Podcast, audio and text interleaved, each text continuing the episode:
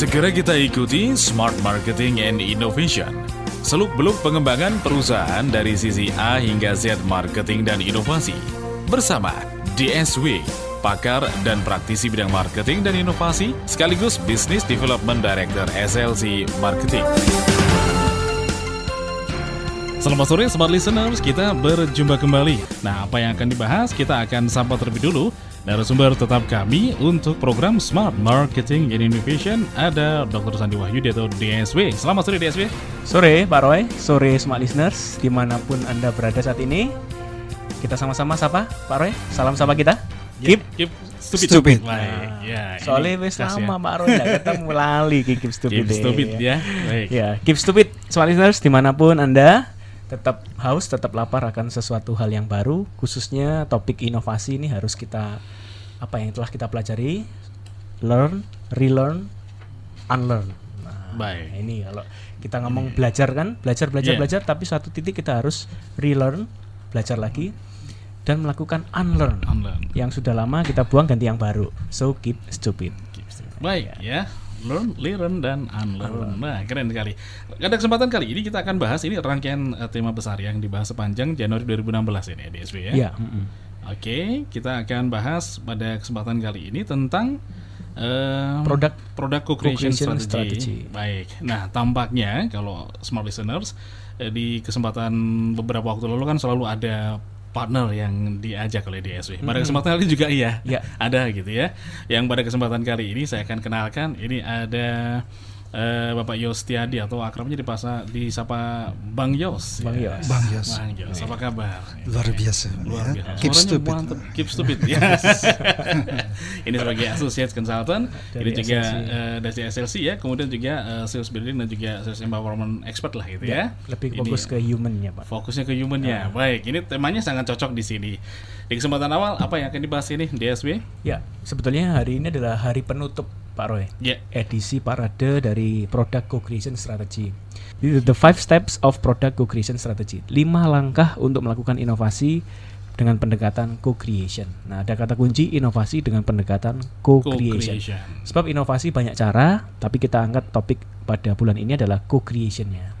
Baik, ya. gitu Pak Roy. Baik, ini akan dibahas ya. Jadi kalau Anda sudah mengikuti dari rangkaian-rangkaian awal, ini gongnya, gongnya dengan uh, the five steps of product co-creation strategy. Kalau tadi bilang eh, ada ber- beberapa hal yang akan menjadi concern di sini, apalagi menghadirkan Bang Yos, gitu ya. Iya. Di kesempatan awal apa yang ingin diulik ini? Ya, dikulik-kulik dulu Apa ya. ini? nah, berangkat dari sebuah pemahaman customer dulu, ya, Pak Roy ya. Customer kalau unsur katanya kan custom ya. ya betul. Setiap orang ingin diperlakukan secara customize. Tapi masalahnya perusahaan kalau melayani setiap orang kebutuhannya spesifik berbeda, Hmm, ya capek, ya Pak. capek. Nggak mungkin bisa. Habis waktunya untuk di sana. Habis gitu. waktunya di sana, apalagi customernya ribuan kan. Ya, Apalagi kalau setiap permintaan customer itu unik-unik, semua ingin dituruti, maka berantakan semua SOP perusahaan. Ya. Oleh karenanya, pendekatan dari mass production menjadi mass customization ini nggak serta merta bisa dilakukan dengan mulus, harus ada langkah-langkahnya. Kalau dulu kan fokusnya pada mass production, ya, ya fokus adalah usaha bagaimana meminimalkan skill of economies, sorry, memperbesar skill, of Skill of economies, ya. sedemikian costnya per unit turun kan. betul. Jadi harga jual lebih bersaing. Tapi pada satu titik saat semua kompetitor bisa melakukannya, maka akan terjadi perang harga Betul. karena produknya hampir sama semua. Diferensiasinya kecil, nggak bisa. Ini apa bedanya? Oleh karena co-creation ini memfasilitasi supaya perusahaan bisa sedikit keluar dari perang harga dan mendapatkan margin yang lebih besar dengan inovasi, yakni melibatkan customer dalam proses baik itu proses produksi, baik itu proses delivery-nya. Hmm. Nah, jadi kalau bilang co-creation ini ada beberapa tahapan, Pak Roy. Tahapan dari yang paling rendah sampai yang paling dalam. Tahapan dari paling rendah kita sebut co-creation level co-delivery. Ya, Lebih dalam lagi namanya co-defining. Lebih dalam lagi namanya co-designing. Dan yang paling dalam adalah co-developing. Nah, kalau sampai customer dilibatkan sampai pa- fase paling dalam atau Co-developing. berarti dia ikut dari proses produksi awal hingga sampai penetrasi pasar, sampai uh, market market komunikasinya dia ikut terus sampai produk itu diterima di pasar. Nah, kita coba berikan pemaparan dulu, Pak Iya. Roy, sedalam apa kita bisa melakukan co-creation. Nggak serta merta, wah, apakah saya harus memproduksi dari awal dengan customer? Silakan kalau kita punya infrastruktur yang Yang siap memadai ya. yang memadai untuk itu ya Iya. kan. Tapi at least kita coba dulu yang kecil-kecil yang sifatnya dari code delivery juga silakan. Yang simpel-simpel kita coba dulu. Nah, saya kasih contoh sebelum kita masuk the five steps-nya, saya akan jelaskan dulu level kedalaman co-creation-nya dulu. Ya. Yang pertama adalah co-delivery. Co-delivery adalah customer dilibatkan pada fase yang paling ujung dari sebuah proses bisnis, yaitu service. Service ini kan melengkapi dari produk yang dijual, Pak Roy. Iya. Ya. Contoh kata misal kita eh, apa namanya beli tiket nih, beli tiket pesawat. Dulu kan nggak ada itu web check-in. Betul. Sekarang ada web Ada, check-in, iya. bisa cetak boarding pass langsung kan? Iya. Tinggal kasih lihat boarding pass. Atau ada mesin check-in berupa kotak dispenser ya biasanya Iya. untuk kita masukin sendiri kode-kode bookingnya terus keluarin pa- Iya, keluarin boarding keluarin pass boarding pass. nggak usah antri di line tiketingnya Iya. atau line ini uh, check-in bagasinya ya ini sebenarnya code delivery Hmm. level code delivery customer dilibatkan dalam proses bisnis tapi bagian paling akhir ya ini hanya servisnya jadi mengurangi human power sebenarnya mengurangi tenaga untuk Iya. ini apa sih yang check in bagasi ya Betul. nimbang kemudian ngecek KTP itu ngurangi semua fase-fase itu dikurangi seperti kita lihat di mall-mall sekarang sudah jarang Pak Roy yang ngasih tiket parkir Iya. kebanyakan kita Iya. tombol otomatis keluar Tinggal itu code keluarin aja, delivery betul. co-creation yang sifatnya paling basic yakni dari segi service atau SPBU SPBU Iya. mungkin kita nggak seperti di luar negeri kalau luar negeri kan tuang Betul. sendiri ya kan Self-service. self service kita boro-boro tuang sendiri ya Pak Roy Iya. Kadang lewat kaca jendela mas penuh ya mas ya? Betul. nah kartu kredit kita kasih dari jendela nggak mau turun. Nah itu sebenarnya bisa kita mulai bisnis kita dengan code delivery yang dilakukan oleh Olympic Furniture, IKEA dan sebagainya. Itu kan knockdown biasanya. Garapan dewe. Iya. Nah, tapi banyak orang yang nggak mau repot. Tukangnya dipanggil wis mas kontak ongkos Iya, ya saya ketemu garapno. Kadang nggak dilihat. Padahal kalau apa sebetulnya message dari code delivery adalah melibatkan customer asiknya bikin knockdown meja lemari itu asik loh kalau ada waktu kan gitu Betul. Nah, jadi bisnis apa pun sebenarnya bisa di code delivery kan. Tergantung daripada eh, esensi atau core dari bisnis kita ini mau di mananya. Lego cep-cepan kalau Iya, saya bilang cep-cepan. Kenapa di- dijual dalam bentuk yang pretelan? Ya. Betul ya? Betul. Karena apa? Itu adalah intisari dari bisnisnya adalah code delivery-nya. Masang-masang itu Iya. senengnya di sana anak-anak.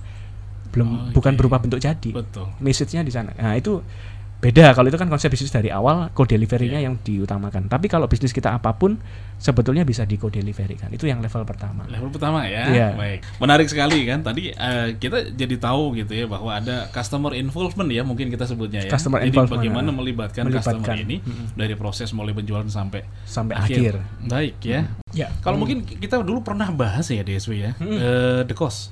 ya. Masih ingat ya? Itu mungkin juga satu di antaranya co delivery ya di saat eh, dulunya kan datang pakai PDA nawarin sekarang hanya pakai kartu. Oh iya, betul. Berarti customer itu juga dilibatkan lewat Iya. proses pemesanan. Betul sekali. Itu co-creation-nya delivery. Hmm. Level co-delivery ya. Iya, betul. co-creation ada empat tingkatan. Salah satunya co-delivery, customer juga dilibatkan juga. Iya, baik itu Mem- jadi Betul, itu betul. Masih ingat. betul. Dulu kan pakai PDA terus ambil-ambil sendiri. Iya. Ini dilibatin dalam proses pemesanan toh. Betul. Kan dulunya kan eh, ditanya jawab, dia pilih Betul. di meja. Sekarang dia dilibatkan berdiri dan memilih gambar. Ya. Itu juga Dan betul. Pak. tahu kan Masih ingat ya? yang. Oh, Cerita sangat setahun yang lalu masih ingat. Luar biasa ingat. nyantol tenang ya. Selain co delivery apalagi yang ingin disampaikan? Ya, tahap eh, apa bukan tahap ya, lebih dalam lagi Dalam fasenya ya. adalah co-define. Co-defining customer ini dilibatkan memilih produk yang dia inginkan dan tidak memilih produk yang dia tidak inginkan. Jadi arti kata nggak harus beli satu paket wungkul. Hmm, iya. Ini adanya menu pahe paket A, paket B, paket C. Ibu pilih yang mana? Kalau nggak A, B atau C kan? betul. Nggak bisa pilih. Ini bisa nggak? Ini tanpa ini, ini dikurangi itu nggak bisa. Itu adalah produk yang mass production. Kalau mass customization lebih kepada dia boleh pilih, boleh bayar yang dia suka, tapi nggak usah bayar yang dia nggak pilih. Contoh Ah, kata, oke. Pak Roy. Iya, iya. Contoh kata itu ada sandwich Subway. Ya, mungkin Iya. di luar ada sa- sandwich Subway di Jakarta juga ada, Surabaya belum masuk. Kita pilih rotinya, bebas pilih yang mana. Ada berbagai macam roti. Pilih bumbunya, pilih dagingnya, pilih apa. Terakhir di total berapa duit. Iya. Nah, kayak gitu. Oke. Contoh kita ke kafetaria, ya kan ada juga beberapa kafetaria Iya. di Surabaya. Pilih ini, pilih ini, ceplok-ceplok. Yang à la carte lah ya. Ah, ala carte total sekian. Nah, itu kan. Nggak nggak harus beli paketannya Iya. kan. Ada paket frustasi soalnya nasi goreng. Betul. Gitu. Pakai frustasi nasi goreng betul. Menu Nek, Italia, menu apa, ah, itu selalu bawahnya nasi goreng. ada nasi Dan goreng. ayam goreng. Ya, ayam goreng. Paket frustasi betul sekali. Terus kemudian juga contoh Cun Hotel, Pak Roy. Iya, itu betul. boleh pesan AC, boleh AC WiFi tambah bayar tambah duit ya. Air Asia juga sudah. Itu co-define. Sedangkan yang lebih dalam co-designing. Tadi co-defining, sekarang co-designing. Ini lebih dalam lagi karena customer dilibatkan dalam proses mendesain. Ya, Contoh self book publishing. betul. Self book publishing ada beberapa sudah eh, internet ya Iya. yang menyediakan. Jadi kita cetak jumlah berapa dikirim. Misal kita cuma butuh 20 piece, ide dikirim 20 piece. Betul. Desain covernya juga. Eh, juga ada yang dilakukan Nippon Avian ya, beberapa kerjasama dengan depo bangunan. Oh iya. Kon Combine jaluk warna warnanya, apa kan betul. gitu ya. Warna di kaleng, wah ini udah biasa. Saya suka yang tidak Ya, biasa. Dan itu ada komputer di Ada komputernya. untuk masuk masukin warna. Masuknya dan nyampur langsung mesin Betul. pengaduknya ada. Nanti langsung ketemu gitu. Langsung ya. ketemu warna yang dia suka. Iya. Nah, itu adalah konsep co-designing. Oke. Customer dilibatkan mendesain produk tapi untuk dirinya sendiri, Ya. bukan untuk eh, apa itu Perusahaan komersialisasi gitu ya, untuk iya. produk istilahnya end user yang lain nggak nggak nggak Iya. beli nggak apa-apa, hanya dia yang membutuhkan. Kemudian t-shirt Pak Pak Roy. Ya. Desain t-shirt, desainnya sendiri, cetak kain katun kain apa sendiri, bebas pilih kemudian dikirim ke rumahnya. Tapi hanya dia yang yang beli, Yang pakai. yang ya, pakai. pakai juga gitu. Ah. yang lebih dalam ini co-developing. Co-developing. Co-developing adalah customer dilibatkan seperti Lego. Ini ada setiap tahun itu ada Lego Technic Competition. Lego Technic itu Lego yang biasa main kayak apa Tamiya Betul. yang pakai mobil-mobilan Iya. helikopter nah itu ya. Itu Lego Technic biasanya untuk usia 15 tahun ke atas. Betul. Itu tiap tahun ada kompetisi menyerahkan desain. Hmm. Dan pemenangnya itu diundang ke kantor pusatnya Lego, diajak ketemu senior-senior manajernya, diajak ke pabrik untuk membuat Lego yang dia desain sendiri Hmm. dari proses produksi sampai packagingnya dan cetaknya untuk dalam jumlah yang banyak internasional ya. Oke. seluruh negara Jadi ribuan. prototipenya dia dia undang ke sana dan kasih tanda tangan Hmm, ada kasih tanda signingnya tangannya ya. signing supaya benar-benar dia dihargai ini dilibatkan dari awal sampai komersialisasinya dipakai desainnya dia dapat royalti sekian persen ya itu adalah fase co-developing Co-developing, juga ya. ada mystarbuckidea.com Starbucks punya website khusus untuk Yeah. menampung banyak aspirasi dan pemenangnya pun mendapat juga sesuatu dari perusahaan Oke. Eh, 30 ribu ide baru setiap tahun Pak Roy dari customer-customer ini. Sehingga ada menu sandwich ala apa itu karena Yeah. proses co-creation co-developing ini. Hmm. pemenang-pemenangnya direalisasikan dan seluruh outlet Starbucks seluruh dunia harus ada menu yang dia minta dengan komposisi yang dia sarankan. Itu luar biasa sekali. Iya, dan iya. itu didengungkan bahwa Starbucks peduli pada customer. Jadi co-creation itu melibatkan customer dalam menciptakan inovasi produk Ya. ini kedalamannya sampai paling dalam co-developing Co-developing ya. Yes. Saya ke Bang Yos, Bang Yos dari sisi humannya ini kan sudah banyak nih, ada empat dan semuanya ini Iya. tadi yang saya sebut gitu ya, ini customer involvement di sini. Iya. Bagaimana customer itu dilibatkan benar gitu ya. Selama ini kan kita tahu jadi tinggal tunjuk aja deh, datang ke Iya. store pilih yang mana ini ini gitu ya. Iya. Tapi kan ada juga nanti kita juga akan bilang tentang customer insight ya. Bagian-bagian yang kadang-kadang orang saya suka eh, menu misalnya eh, apa namanya fried chicken gitu. Saya suka yang A, tapi saya nggak suka kentangnya. Saya ada kan kadang-kadang yang Iya. seperti itu ya. Silakan dikomentari dari yang sudah disampaikan oleh DSW atau ditambah Ki. Iya, jadi eh, dalam setiap kali kita apa untuk memilih maupun memilah ya yang untuk mengenai customer eh, questionnya ini, jadi product questionnya ini memang juga mau nggak mau tidak mau juga akan bersinggungan dengan sisi humannya. Iya. Sebagai contoh proses pemilihan eh, sandwich misalkan seperti itu. Nah, bagaimanapun si customer akan memilih kalau tidak mengenal dulu siapa produk ini apa, lalu bentuk komunikasinya seperti apa. Ya, nah itu yang membantu siapa? Si karyawan itu sendiri kan, Iya. si frontlinernya. Nah, Oke. proses pengenalan ini justru membutuhkan semacam teknik tersendiri, di mana itu harus selalu didengungkan oleh pihak perusahaannya dalam melayani si customernya. Iya. Terkadang idenya itu bagus, namun dalam prakteknya terkadang miss, miss ya. Jadi Iya, iya. itu yang terkadang-kadang eh, si customer merasa frustasi, ya Betul. jengkel. Wah ini bagus tapi kok nggak bisa diaplikasikan kan Iya. seperti itu ya. Nah ini, ini butuh bantuan juga frontlinernya dalam mengkomunikasikan ini. Nah butuh Hmm. peran serta yang manis ya di antara frontlinernya dengan pihak perusahaan. Jadi Nah, itu, keterlibatan di situ keterlibatan ya. di situ. Baik, tapi Gitu. keterlibatannya ada tataran yang sudah beda gitu ya dari Iya. yang yang eh, general gitu ya. Betul. Baik. Ada lagi yang ingin ditambahkan dia masih ada waktu? Ya kembali ke tadi mungkin Bang Yus uh, saya tambah dikit. Yang namanya frontliners ini kan sebetulnya ndang cepet datang dan cepet ngalih kan Pak. Customer ini ya wis gitu kan. Banyak yang ini. ya. Masalahnya kalau kita mass customization, setiap customer diizinkan beraspirasi minta sesuai yang unik yang dia mau. betul. Stres juga frontlinersnya ya. Sangat. Satu hari bisa ketemu 100 customer, wah dia Iya. ngelayani satu-satu. Ada beberapa video di YouTube yang apa itu baristanya marah-marah juga Betul, ada ya. ya. Padahal ngomong Starbucks nggak pernah marah. Tapi memang faktanya faktor ini ya, uh, human ini Human kadang tadi ya. Inkonsistensinya tinggi. Dia punya kan? limit juga ya untuk emosi emotion ya. dan sebagainya Ah. ada limit ya. Oh, sampai pernah ada di YouTube ada seorang pak yang memang sengaja ngusili ya, Iya. ngusili barista Starbucks. Dia pesannya ngomong gini pak, saya eh, cappuccino satu, temperaturnya nggak usah panas-panas sekian derajat aja, gulanya jangan anu ya satu dua tetes, oh dua setengah tetes dia bilang. Iya. Tuh betul sekali pak, tuh betul sekali. Nah ini sampai seberapa emosi dari dari kurang Baristanya. ajar ya barista. Eh, Coba disikapi pak. Iya, jadi artinya gini, jadi eh, produk yang bagus kalau memang dari sisi humannya itu tidak diimbangi dengan yang eh, pemahaman mengenai mindsetnya customer seperti apa, emosional customer seperti Iya. apa, itu juga useless, percuma. Ya, jadi ba- bagaimanapun sehebatnya produk ya yang kita launching ya atau kita perkenalkan juga butuh sentuhan human tentunya. Yang dikatakan tadi di bawah di awal katakanlah semacam tukang parkir ya yang Iya. istilahnya eh, manless ya. Betul. Jadi wah bagus. Tapi kalau humannya nggak diajari troubleshootingnya seperti apa, ya kan kacau. Betul. Ya jadi kan kadang kita pernah lihat ya di mall tertentu itu tiba-tiba nggak bisa buka ya. Wah, bingung, kan bingung. buku luar biasa panjang. kan. Belakang klakson. iya. Padahal dengan satu tombuhan mungkin dia lupa, mungkin konslet Iya. atau apa kan juga butuh sentuhan human juga. Nah makanya saya bilang tipe apa untuk yang pemilihan yang strategis untuk humannya juga sangat menentukan dalam membangun produk yang yang questionnya ini seperti itu. Baik ya, jadi semakin customize dengan kata lain bahwa Iya. sentuhan teknis dari humannya juga harus dipikirkan sejauh itu. Betul sekali pak. Dan ya. IT-nya. IT-nya Dan ya. IT-nya. Jadi karena ini yang akan support ke servis nanti gitu ya. Betul sekali. Ujungnya nanti akan ke servis gitu ya. Sehebat apa pun tadi Anda melibatkan dari customer tapi kemudian Anda tidak memikirkan hal-hal yang tadi ya sampai terburuk dan sebagainya. Iya. Bagaimana ya to handle it gitu ya. Iya. Ini mungkin juga akan menjadi eh, permasalahan besar bagi Anda gitu ya. Iya. Maunya ingin co-creation tapi kemudian akhirnya wah, Berantakan. berantakan gitu ya. Berantakan. Ini yang harus di- dicermati.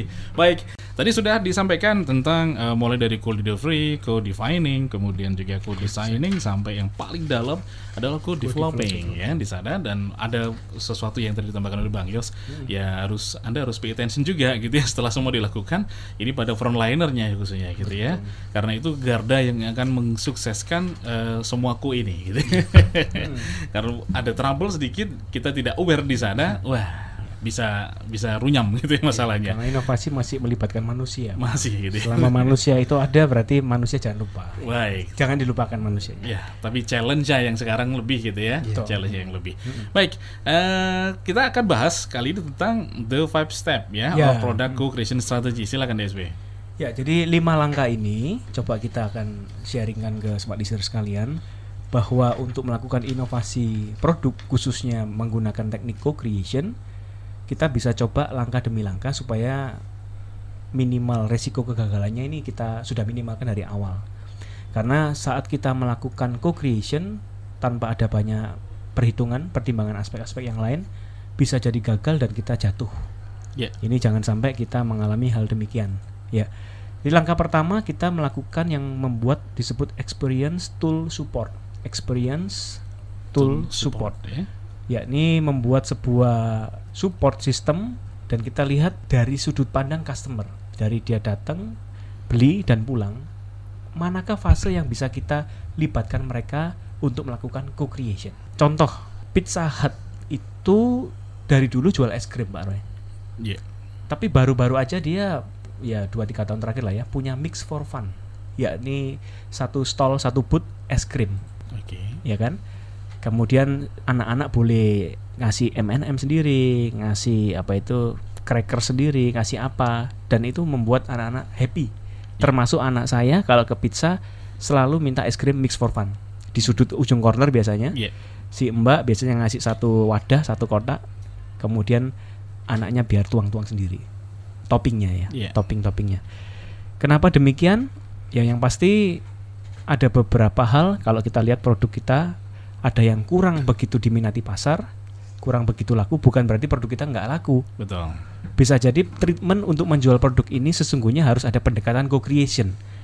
Ngomong es krim, es krim ini yang suka mungkin anak-anak bukan orang dewasa. Iya. Dan kalau anak-anak itu paling suka kalau diajak bermain. Betul ya Pak Roy? ya? Betul.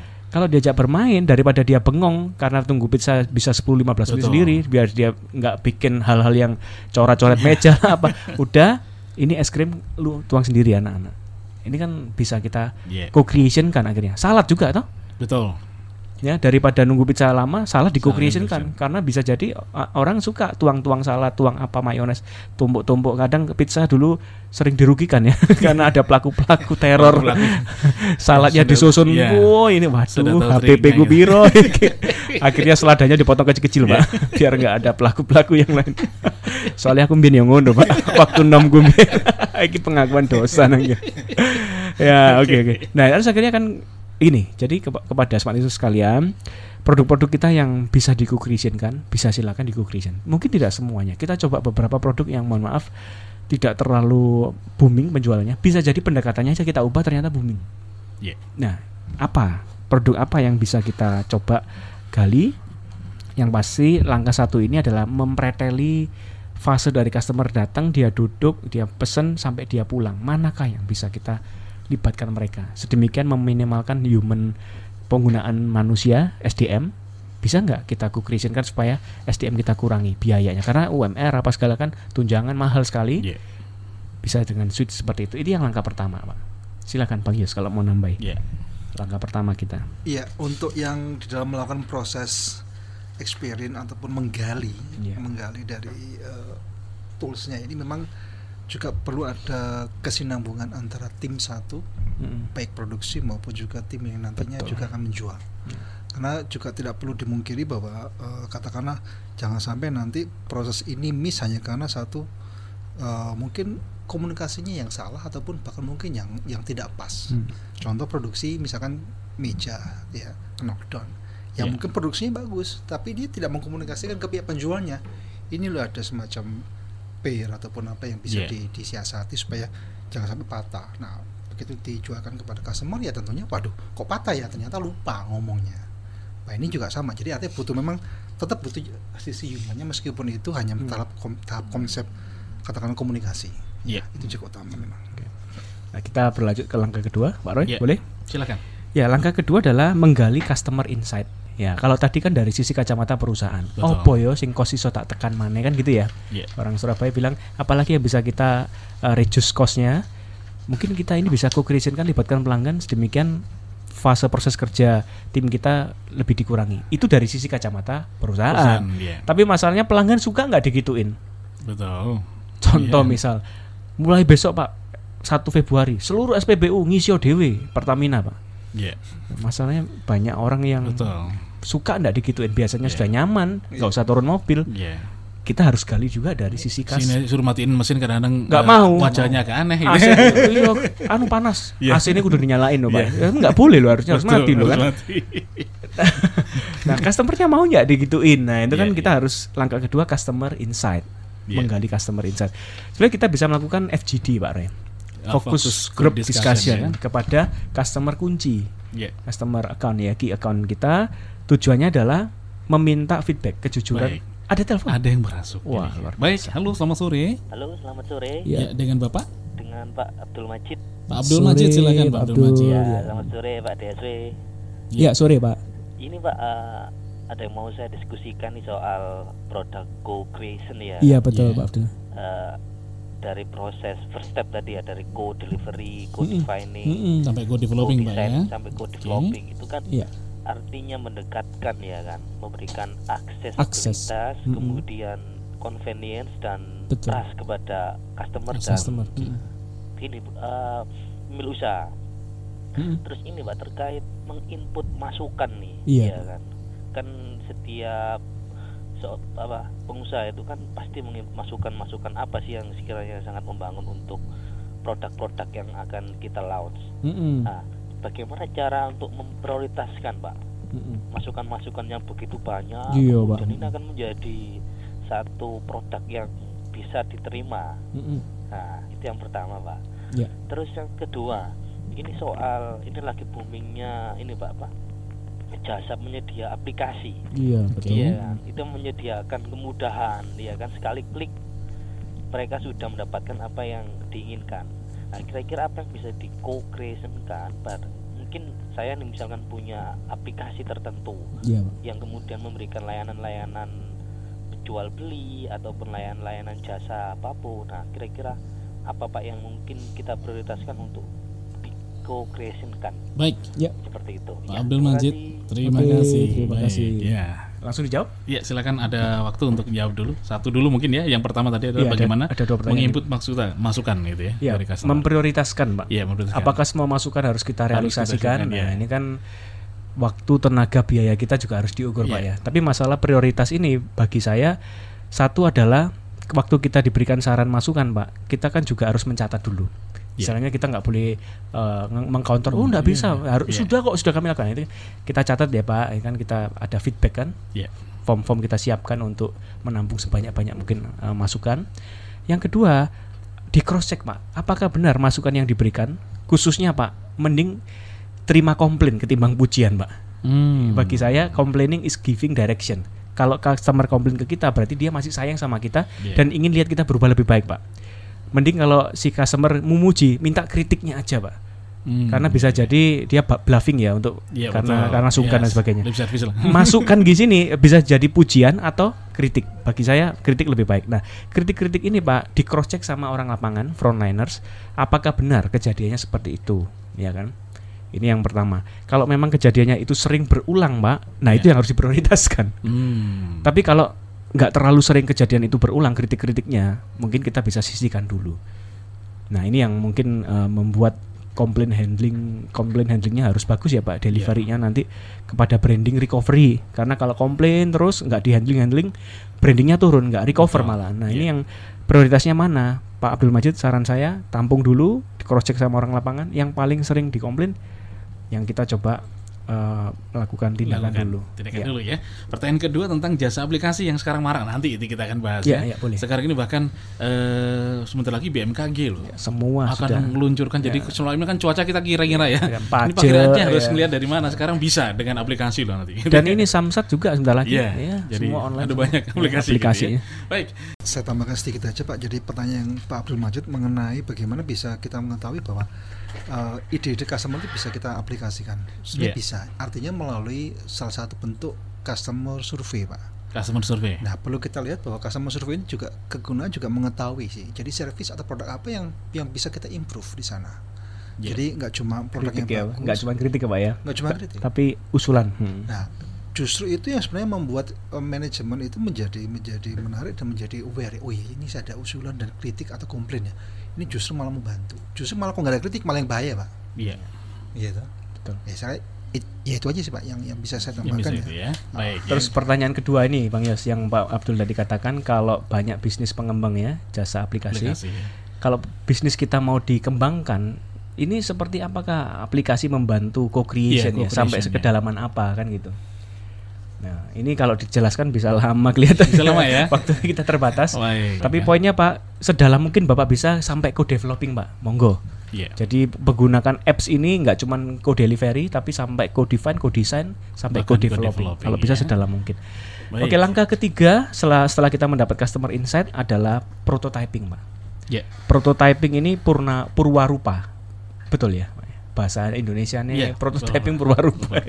Betul. Membuat contoh produk yang sifatnya belum dikomersialisasi atau bukan contoh produk ya. Kalau ngomong co-delivery doang adalah satu outlet dulu. Iya. Misal kita punya banyak outlet, cobalah satu outlet dulu self service misal contoh Iya. customer dibuat self service Dami lah. ya. dami gagal ya wes itu Gitu, ya. outlet yang gagal kan gitu Oke. percobaan kemudian langkah keempat adalah customer empowerment nah tujuannya apa customer tadi yang diajak FGD pak di langkah Iya. kedua customer kunci yang menyumbangkan omset terbesar bagi perusahaan kita itu diundang untuk kita kenalkan ngeluncurin di hadapan mereka dulu minta feedback sebanyak mungkin sebelum kita langkah kelima product launch di launching massal komersialisasi sudah ngomong iklan di sana sini Jadi sebaiknya Pak kita minimalkan risiko gagal sejak dini terukur sekecil mungkin. Waktu launching pun soft launchingnya Pak, soft launchingnya di langkah keempat ini melibatkan customer yang tokoh kuncinya. Minta feedback, jaluk kritik saat nih Pak, supaya disempurnakan lagi sebelum benar-benar di launching pada tahap kelima. Ini langkah-langkahnya. Jadi yang saya ulangi, experience tool supportnya, kemudian customer, Customer insight, product, Product prototyping, prototyping, customer customer empowerment, empowerment, dan yang terakhir product, Product launch. launch ya. Ya, sisa waktu lunas ini ya. lunas ya wis. untuk materi product co-creation strategi. Baik, ya yang bisa ditambahkan, monggo dari Pak Gios, Pak Pak Gios. Gios, silakan. Ya, kalau dari saya eh, apa pun itu produk kita, sebaik apa pun itu, termasuk jasa sekalipun, ya tetaplah kita selalu mengacu kepada customer. Ya, jangan lupa itu bahwa semua eh, bagaimanapun prosesnya sebaik apa pun dia, kalau tanpa ada customer juga tidak bisa apa-apa. Ya. Yang kedua juga kita melihat dari sisi eh, perusahaan kita, frontlinersnya juga mesti kita selalu kita training, selalu kita edukasi mengenai konsep-konsep co-creationnya ini. Ya. Ya, karena yang jangan sampai dikhawatirkan adalah ketika ketika konsepnya itu bagus, idenya bagus, tapi lupa untuk mengkomunikasikan, bahkan terlewatkan saja, ya saya kira juga sia-sia juga. Betul. Itu yang akan merunyamkan konsep yang sudah bagus yang sudah jalan sebelumnya Iya. gitu ya. Seperti itu. Baik. Bagi luar biasa sekali terima kasih. Mitra bisnis, jika Anda merasakan manfaat luar biasa dari seri Marketing Innovation Lesson ini dan ingin mendapatkan versi lengkap yang sudah disusun per judul berupa CD maupun podcast, sedemikian bisa dipelajari lebih mendalam, silakan kunjungi website kami di www.slcmarketinginc.com atau ke Shopee official store kami di SLC Marketing. Anda bisa mendapatkan harga spesial dari kami. Ikuti terus knowledge sharing dari kami. Saya DSW Dr. Sandi Wayudi, Presiden SLC Marketing Inc., founder of Connectpedia. Sukses untuk kita semua.